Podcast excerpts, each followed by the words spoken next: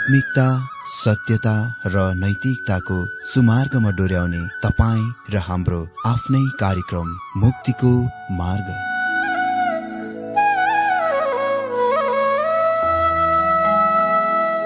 आदरणीय श्रोता यस मुक्तिको मार्ग कार्यक्रममा हार्दिक स्वागत छ। आशा छ यस आत्मिक कार्यक्रमद्वारा जीवनमा आत्मिक आशिष अलौकिक शान्ति र आनन्द प्राप्त गर्नुहुनेछ। र जीवनमा धन्य अनुभव गर्नुहुनेछ। आउनुहोस् श्रोता। मन र आत्माको तयारीको लागि यो मिठो अनि मधुर भजन गीत सुनौ।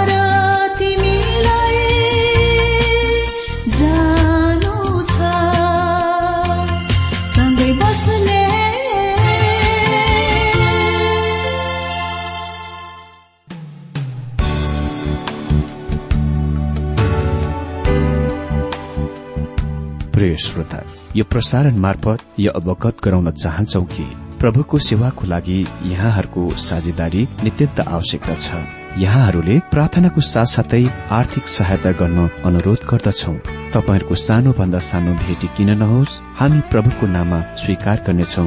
प्रभुको सेवाको लागि। तपाईँहरूको यो सानो लगानीले कसैको जीवनमा भिन्नता ल्याउँछ अनि प्रभुको महिमा हुन्छ। प्रभु तपाईँहरूलाई महान गरी आशिष दिनुहुनेछ। इच्छुक श्रोताहरूले तपाईँको इच्छा भेटी हाम्रो ठेगानामा पठाउन सक्नुहुन्छ जुन ठेगाना हामी कार्यक्रमको अन्तमा दिनेछौ। प्रिय श्रोता मित्र प्रभु येशु क्रिस्टको मधुर अनि सामर्थ्य नाममा मेरो जयमसी यो आजको बाइबल अध्ययनमा हार्दिक स्वागत छ। श्रोता आज हामी परमेश्वरको वचन आमोसबाटको हाम्रो अध्ययन अन्तिम हो र हामी आमोस नौ अध्यायबाट आज बाइबल अध्ययन गर्ने छौं। म आशा गर्दछु कि तपाईँहरूले यस पुस्तकबाट थुप्रै आत्मिक आशिषहरू प्राप्त गर्नुभयो। यहाँ हामी नौ अध्यायमा मुख्य विषयको रूपमा देख्नेछौ इसरायलीहरूको दुनियाँभर विश्वभरि तितर बितर पुनः जम्मा वा भेला गराई र पुनस्थापनको दर्शन। यो नौ अध्यायले दण्डको सन्देशको अन्त गर्दछ जुन आमोसले इसरायलीहरूलाई दिएका छन्। त्यसपछि आमोस अति नै दूरीको टाढाको भविष्यतिर हिँड्दछन् र इसरायलको पुनस्थापित राज्यको महिमित आशा र महिमित दृश्यको दिन्छन् नौ अध्यायको एक पदमा लेखिएको छ मैले परमप्रभुलाई वेदीको छेउमा उभिरहनु भएको देख र उहाँले मलाई भन्नुभयो खम्बाका टुप्पा टुप्पा हिर्का र संगारहरू हल्लिउन्। सबै मानिसहरूका शिरहरू काटिथे र बाँचेकाहरूलाई चाहिँ म तरवारले मानेछु। एउटै पनि भाग्न पाउने छैन। एउटा पनि उम्कन पाउने छैन। यस पदले असुरीहरूको आगमनको वर्णन गर्दछ। हामीले बुझ्नु पर्दछ कि यहाँ उल्लेखित वेदी यरुसलेममा सुलेमानको मन्दिरमा भएको वेदी होइन तर सम्भवत सामर्यमा बालको मन्दिरको वेदी हुन सक्छ। खामाका शिरहरूमा हिर्का र संघारहरू हलियो मानिसहरूका शिरमा ती खामाहरू टुक्रा टुक्रा हुन्। शत्रुहरूको घेराबन्दीको र आक्रमणको समयमा मानिसहरू मन्दिरमा सरोज्नेछन् तर मन्दिरलाई तत्कालै विध्वंस गरिनेछ कि मानिसहरू त्यही भित्र फस्नेछन्। जब खामाहरू तिनीहरूका शिरमा टुक्रा टुक्रा भएर खस्दछ ती मध्येका एउटा पनि भाग्न पाउने छैन। एउटा पनि उम्कन पाउने छैन। ती मानिसहरू जो बाँचे र त्यहाँबाट उम्कने कोसिस गर्नेछन् तिनीहरू भाग्न पाउने छैनन् बरु कैदमा लगिनेछन् बन्दुवामा जानेछन् अहिले यो भयानक कथनको ध्यान दिनुहोस्। दुई पदमा लेखिएको छ तिनीहरूले चिहानको गहिरैमा खनेर गए तापनि मेरो हातले तिनीहरूले त्यहाँबाट तानेर ल्याउनेछ। तिनीहरू माथि स्वर्गीयमा उक्ले तापनि म तिनीहरूलाई उधो तानेर ल्याउनेछु। यहाँ उल्लेखित पाताल हिब्रू शब्द सियोल जुनको अर्थ हो चिहान वा मृतकको स्थान। हाम्रो परमेश्वर सर्वव्यापी र अपरिवर्तनीय परमेश्वर हुनुहुन्छ। यी कुराहरूले दुष्टको पापीहरूको हृदयमा भय उत्पन्न गर्नुपर्दछ परमेश्वर सर्वव्यापी हुनुहुन्छ। उहाँ हरेक जग्गामा हुनुहुन्छ। मृत्युले पनि तपाईँलाई उहाँबाट अलग गर्न टाढा गर्न सक्दैन। अनि परमेश्वरको अपरिवर्तनीयताको मतलब हो परमेश्वर कहिले बदलिनुहुन्न। यसो ख्रिस्ट हिजो आज सधैँभरि एक समान हुनुहुन्छ। यी दुई सत्यहरू परमेश्वरका सन्तानहरूको निम्ति ठूलो सान्त्वना हो। तर यी कुराहरू दुष्ट अधर्मी र पापीहरूको निम्ति अति नै भयभीत गर्ने कुरा हो। परमेश्वरका सन्तानको लागि परमेश्वरको सर्वव्यापिताले उसलाई यो निश्चय आउँछ कि परमेश्वरले तिनीहरूलाई कहिले पनि छोड्नुहुने छैन। प्रभु येशुले भन्नुभयो हिब्रो तेह्रको पाँच पदमा म तँलाई कहिले त्याग्ने छैन न छोड्ने छैन। ओ यो कति अद्भुत कुरा छ। उहाँले यो पनि भन्नुभयो युहान्ना छ दिएको सैतिस पदमा ती सबै म कहाँ आउनेछन् जो म कहाँ आउँछन् उसलाई म कुनै रीतिले अफाल्ने छैन। जब उहाँले तपाईँलाई अनन्त कालको लागि ग्रहण गर्नुहुन्छ कसैले उहाँको हातबाट तपाईँलाई खुसी लाने छैन? अनि यदि तपाईँ उहाँका हातहरूमा हुनुहुन्छ भने तपाईँ उहाँसँग अति नै निकटमा हुनुहुन्छ। प्रभु येशुले उहाँसँगको हाम्रो सम्बन्धलाई दाग बोट र हाँगाहरूमा तुलना गर्नुभएको छ। दाग बोटको निकट हाँगा भन्दा अरू कुनै कुरा निकट हुँदैन नजिक हुँदैन। परमेश्वरको सर्वव्यापिता विश्वासीहरूको निम्ति महान सान्त्वनाको कुरा हो। तर अविश्वासीहरूको लागि भ्रष्ट निन्दित पापीहरूको लागि परमेश्वरको सर्वव्यापिता भय अनि त्रास हो। धेरै मानिसहरू आत्महत्या गर्दछन् किनभने तिनीहरू यसबाट टाढा भाग्न चाहन्छन्। मैले केही साल पहिले एक अति नै धनी मानिसको आत्महत्याको बारेमा अखबारमा पढिरहेको थिएँ। जुनले आफ्नो आत्महत्या नोटमा यसरी लेखी छोडेथे म यसलाई अन्त गर्न चाहन्छु र यो जीवनबाट मुक्त हुन चाहन्छु। हजुर उनले आफ्नो समस्याहरूबाट र धेरै अन्य कुराहरूबाट मुक्त भए जुनले उहाँलाई हैरान र दिगदार गरिरहेको थियो। निश्चय नै उनी गम्भीर ठिनाइमा थिए तर उनी परमेश्वरबाट मुक्त हुन सकेनन्। परमेश्वरबाट टाढा भाग्न सकेनन्। मृत्युले उसलाई परमेश्वरबाट अलग गरेर अह दाउदले यो कुराको याद गरे थाहा पाए जब उसले लेखे भजन संग्रह एक सौ उन्तालिसको सात र आठ पदमा तपाईँको आत्माको दृष्टिबाट म कहाँ जाउँ अथवा तपाईँको सामनेबाट म कहाँ भागौं? स्वर्गीयमा उक्ले भने तपाईँ त्यहाँ हुनुहुन्छ पतालमा आफ्नो उच्छ्यान बनाए भने त्यहाँ पनि तपाईँ हुनुहुन्छ। मित्र तपाईँ परमेश्वरबाट मुक्त हुन सक्नुहुन्न। टाढा भाग्न सक्नुहुन्न। उहाँबाट अलग भएर तपाईँ भाग्न सक्नुहुन्न। उहाँको नजरबाट। तपाईँ जहाँ जानु भए पनि उहाँ त्यहाँ बिल्कुल त्यहाँ हुनुहुन्छ। त्यसपछि त्यहाँ परमेश्वरको अपतनीयता छ। उहाँ कहिले बदलिनुहुन्न?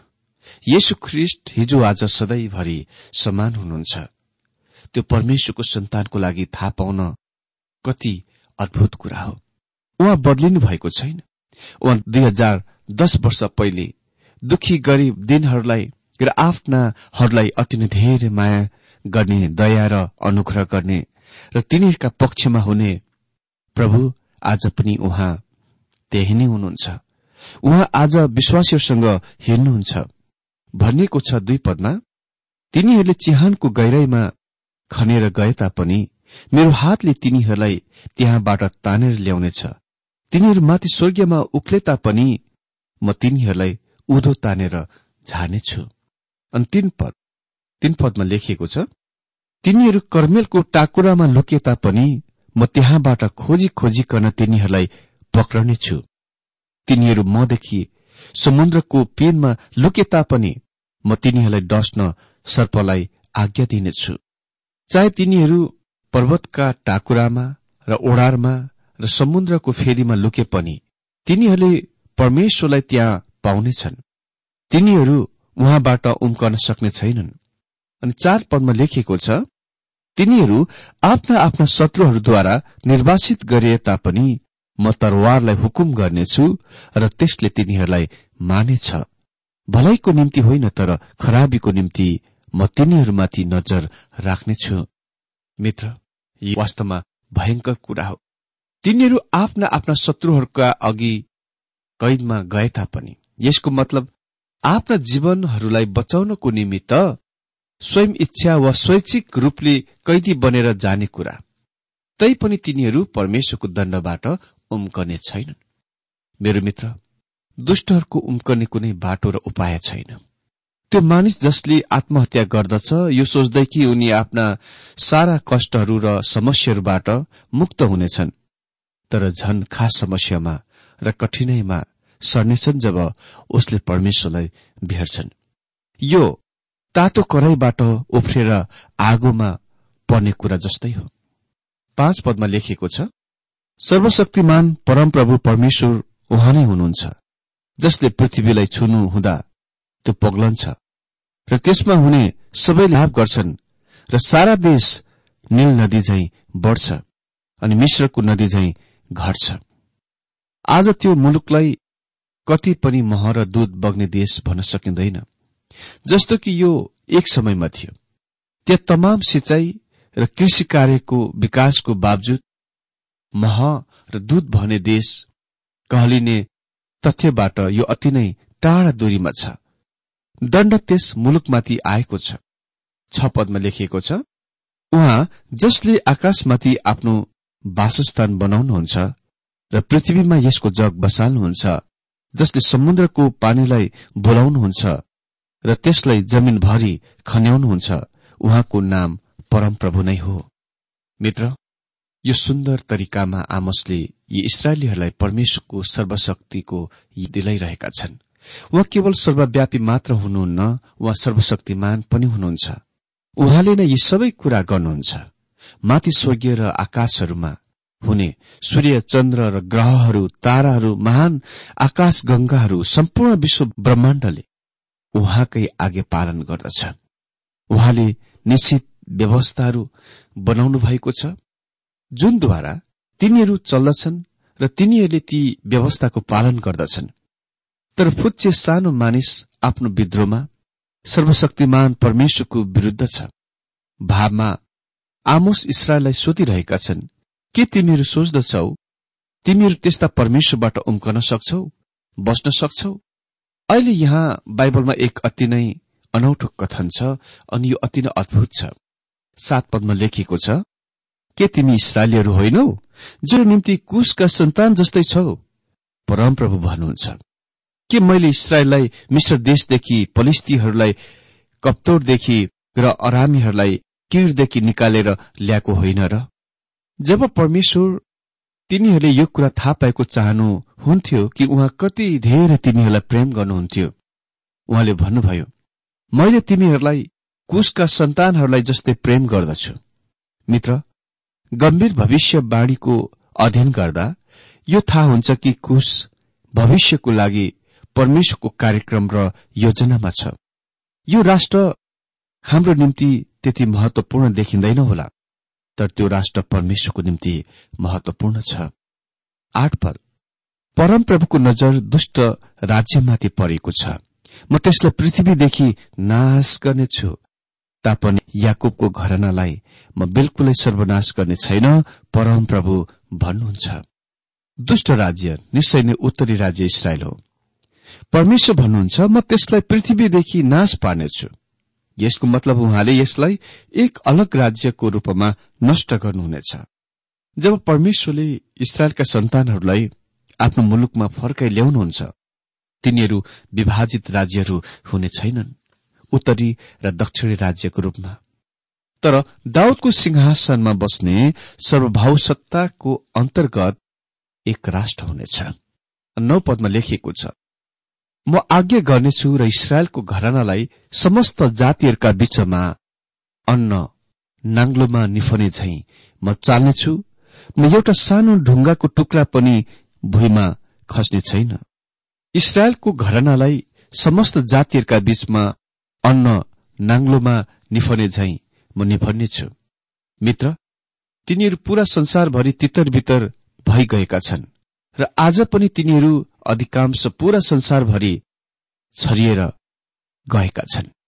तापनि एउटा सानो दाना पनि भुइँमा खस्ने छैन। परमेश्वरले तिनीहरूमध्ये एउटालाई पनि चुकाउनु हुने छैन। अनि दश पदमा लेखिएको छ विपत्ति हामीमाथि आइपर्ने छैन। न त हामीलाई त्यसले भेट्नेछ भन्ने मेरो प्रजामध्येका सबै पापीहरू तरवारले मारिनेछन् पापीहरूलाई के हुन गइरहेको छ? तिनीहरू मारिन गइरहेका छन्। उहाँले व्यक्ति विशेषहरूलाई दण्ड दिनुहुनेछ जो उहाँ कहाँ फर्कँदैनन्। अनि हाम्रो समकालीन मण्डलीमा उही समानता हामीसँग छ। सम्पूर्ण मण्डली सदस्यहरू उद्धार पाएका जनहरू होइनन्। सबै मण्डलीका सदस्यहरू खास सत्य विश्वासीहरू हुँदैनन्। तिनीहरू खालि मण्डलीका सदस्यहरू हुन् बस। अनि प्रेरित पाउले रोमी नौ अध्यायको छ पदमा भन्छन् किनभने जो इसरायलीहरूकै वंशहरू हुन् उनीहरू सबै इसरायलीहरू होइनन्। त्यहाँ दुई प्रकारका इसरायलीहरू छन् शारीरिक र आत्मिक इसरायली। यद्यपि सानो अन्नको दाना भुइँमा नखसे तापनि त्यस राष्ट्रको सम्पूर्ण पापीहरू नष्ट हुनेछन्। विशेष गरेर ती अनज्ञकारी जसले आमोस यहाँ सम्बोधन गरिरहेका छन्। यसले हामीलाई आमोसको अन्तिम दर्शनतिर ल्याउँदछ। यो चाहिँ दुनियाँभरबाट इसरायलीहरूको जम्मा गराई भेला गराई र प्रभुको राज्यको पुनस्थापनको दर्शन हो। आमोसले भयानक दण्डको दिनहरू उहाँका चुनिएका यी जातिहरूका तितर बितरका दिनहरू भन्दा पनि अझ पर अनि महाक्लेश भन्दा पनि अझ परको दिनको जुन अझै हाम्रा दिनमा पनि भविष्यमा छ। ती कुरा देखे। अनि एघार पदमा लेखिएको छ परमप्रभु परमेश्वर भन्नुहुन्छ। यस्ता दिनहरू आउँदैछन् जब म देशमा अनिकाल ल्याउनेछु। जुन चाहिँ न त अन्नको अनिकाल न पानीको तिर्खा हो तर परमप्रभुको वचन सुन्ने तृष्णाको अनिकाल हुनेछ। यो कथन त्यस दिनले इसरायलको दिनको अन्तिम दिनहरूको संकेत गर्दछ। यस दिन म दाउदको ढलेको वासस्थानलाई फेरि उठाउनेछु। यस कुराको राम्ररी बुझ्न याकुबको कुरा सुनौ। जुन उसले प्रेरित पन्ध्र अध्यायको तेह्रदेखि अठार पदमा भने आमोसको भविष्यवाणीबाट उद्धित गर्दछन्। अनि उनीहरू चुप भएपछि याकुबले यसो भन्दै जवाब दिए मानिसहरू र भाइहरू हो मेरो कुरा सुन्नुहोस्। अन्य जातिहरूको बीचबाट आफ्नो नामका निम्ति एउटा जातिलाई निकाल्नका लागि कसरी परमेश्वरले अन्य जातिहरूसँग पहिले भेट गर्नुभयो? सो कुराको विषयमा सिमोनले बताएका छन्। अनि योसँग भविष्य वक्ताका वचनहरू मिल्दछन् जस्तो लेखिएको छ यी कुराहरू पछि म फर्कनेछु र दाउदको ढलेको तम्बुलाई म फेरि बनाउनेछु। अनि यसका भग्नावशेषलाई म फेरि बनाउनेछु र यसलाई म खड़ा गर्नेछु। र रहेका मानिसहरूले र सबै अन्य जातिहरूले जो मेरो नामले बोलाइँदछन् प्रभुलाई खोजुन्। यी सबै कुरा गर्नुहुने प्रभु यसो भन्नुहुन्छ। अनन्तकालदेखि उहाँका आफ्ना सबै कामहरू परमेश्वरलाई थाहा भएको छ। आज परमेश्वर आफ्नो नामको लागि अन्य जातिहरू बीचबाट मानिसहरूलाई बोलाइरहनु भएको छ। यसपछि उहाँले दाउदको ढलेको तम्बुलाई खड़ा गर्नुहुनेछ। अर्को शब्दमा हजार वर्षीय राज्य युगको बारेमा उनी बोलिरहेका छन्। त्यो महान दिन जुन आउनलाई बाँकी छ यो भविष्यमा आउनेछ।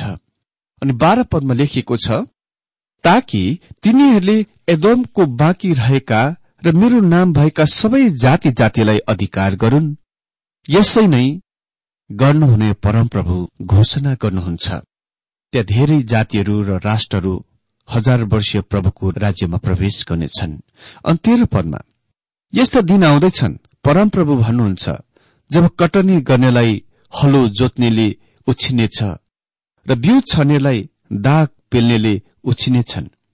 पर्वतहरूबाट नयाँ दाग मध्य चुहुनेछ र सबै डाँडाहरूबाट त्यो भहनेछ यो मैले पहिले नै उल्लेख गरिसकेको कुराको प्रमाण हो कि जब इसरायलका मानिसहरू आशिषित हुनेछन् इसरायलका जमिन र मुलुक पनि आशिषित हुनेछ मानिस र जमिन वा मुलुक एक साथमा जान्छन्। तिनीहरू एक साथका हुन्। परमेश्वरले यो स्पष्ट पार्नुहुन्छ कि जब उहाँले इसरायलका मानिसहरूलाई तिनीहरूका मुलुकमा फर्काइ ल्याउनुहुनेछ त्यो फेरि महको मुलुक हुनेछ। त्यो मुलुक अहिले त्यस्तो कुनै कुरो छैन। त्यसकारण म यो विचार मान्दछु कि यो वर्तमान केही यहुदीहरू आफ्ना मुलुकमा इसरायलमा फर्काई त्यस भविष्यवाणीको परिपूर्णता होइन जुनको भविष्यवाणी गरिएको थियो। यद्यपि केही संख्यामा यहुदीहरू आफ्नो मुलुकमा फर्के तापनि तिनीहरू आफ्नो परमेश्वरतिर फर्किएका छैनन्। अनि चौध पदमा लेखिएको छ म मेरो निर्वासनमा गएका प्रजा इसरायललाई फर्काएर ल्याउनेछु। ध्वंस भएका सहरलाई तिनीहरूले फेरि निर्माण गरेर तिनमा बास गर्नेछन्। तिनीहरूले दागबारीहरू लगाएर तिनका दाग मध्य पिउनेछन्। तिनीहरूले बगैँचाहरू बनाएर तिनका फलहरू खानेछन्। परमेश्वरले इसरायललाई त्यस मुलुकमा स्थापन गर्न गइरहनु भएको छ।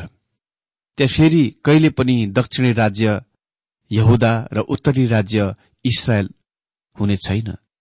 त्यो सबै इसरायल अविभाजित राज्य हुनेछ जस्तो कि त्यो शुरूमा आरम्भमा थियो। त्यो सम्पूर्ण बाह्र कुलहरू हुनेछन्। तिनीहरू आज पूरा संसारभरि छरपुष्ट छरिएर रहेका छन्।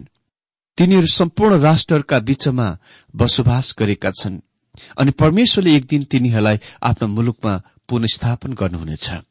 चौध पदमा लेखिएको छ म मेरो निर्वासनमा गएका प्रजा इसरायललाई फर्काइ ल्याउनेछु। ध्वंस भएका सहरहरूलाई तिनीहरूले फेरि निर्माण गरेर तिनमा बास गर्नेछन्। तिनीहरूले दागबारीहरू लगाएर तिनका दागमध्ये पिउनेछन्। तिनीहरूले बगैँचाहरू बनाएर तिनका फलहरू खानेछन्। अनि पन्ध्र पद म इसरायललाई तिनीहरूका देशमा कहिले नउखलिने गरी बसाल्नेछु। जुन देश मैले तिनीहरूलाई दिएको छु परमप्रभु तिनीहरूका परमेश्वर भन्नुहुन्छ। परमेश्वरले तिनीहरूलाई त्यस मुलुकमा राख्नुहुन्छ। तिनीहरू त्यहाँ स्थायी रूपमा रहनेछन्। यिनै कुरा परमेश्वरले भन्नुभयो कि उहाँले आफ्ना जनहरूको निम्ति गर्नुहुनेछ। पहिलो उहाँ दाउदको राज्य कुलको पुनस्थापन गर्न गइरहनु भएको छ। को चाहिँ राजा हुनेछ त? भनी तपाईँ सोच्नुहुन्छ। त्यो राजा दाउदको पुत्र येसु हुनुहुनेछ जो बेतलेममा दाउदको वंश र घरानामा जन्मनु भएको थियो। उहाँ नै शासक हुनुहुनेछ। दोस्रो इसरायलले आफ्नो स्थान विश्वको राष्ट्रको र जातिहरूको बीचमा लिनेछ। त्यो कति पनि संयुक्त राष्ट्र संघहरूमा वा अन्य कुनै राष्ट्रतिर सहायताको निम्ति हात पसार्न जाने छैन न त्यसलाई अरू आफ्ना शत्रुहरूले दिगदार गर्नेछ। त्यो राष्ट्र हुन गइरहेको छ जुन परमेश्वरले आशिष दिएको राष्ट्र छ। आशिषित राष्ट्र हुनेछ। र विश्वको राष्ट्रको बीचमा एक स्थान ओगट्नेछ। अनि तेस्रो कुरा यसको अतिरिक्त विश्वको राष्ट्रको सत्य परमेश्वरतिर मन परिवर्तनमा विश्वासमा हुनेछन् यो मण्डली वा कलिसियामा स्वर्गीय यात्रामा पृथ्वीलाई छोडेपछि स्थान लिनेछ। अनि ठूलो संख्यामा मन परिवर्तनको साथ प्रभुमा फर्काई अझै भविष्यमै छ। ओ त्यो कस्तो दिन हुनेछ? जब इसरायली आफ्ना मुलुकमा फर्कन्दछन् अनि चौथो कुरा तिनीहरूले ध्वंस भएका सहरहरूलाई फेरि बनाएर तिनमा बास गर्नेछन्। पाँचौं कुरा तिनीहरूले दागको बारी लगा त्यसका दागमध्ये पिउनेछन्। तिनीहरूले बारी बनाएर त्यसका फलहरू खानेछन्। जमिन र पृथ्वीमाथि परेको श्राप हटाइनेछ। र यसले प्रशस्त पर्याप्त रूपमा उत्पादन दिनेछ। अनि छैटौं इसरायलीहरू त्यस देशदेखि फेरि कहिले निकालिने छैनन्? जुन मुलुक परमेश्वरले दिनुभएको छ। ओ मित्र यो इसरायलको निम्ति कस्तो भावी महिमित प्रत्याशा छ?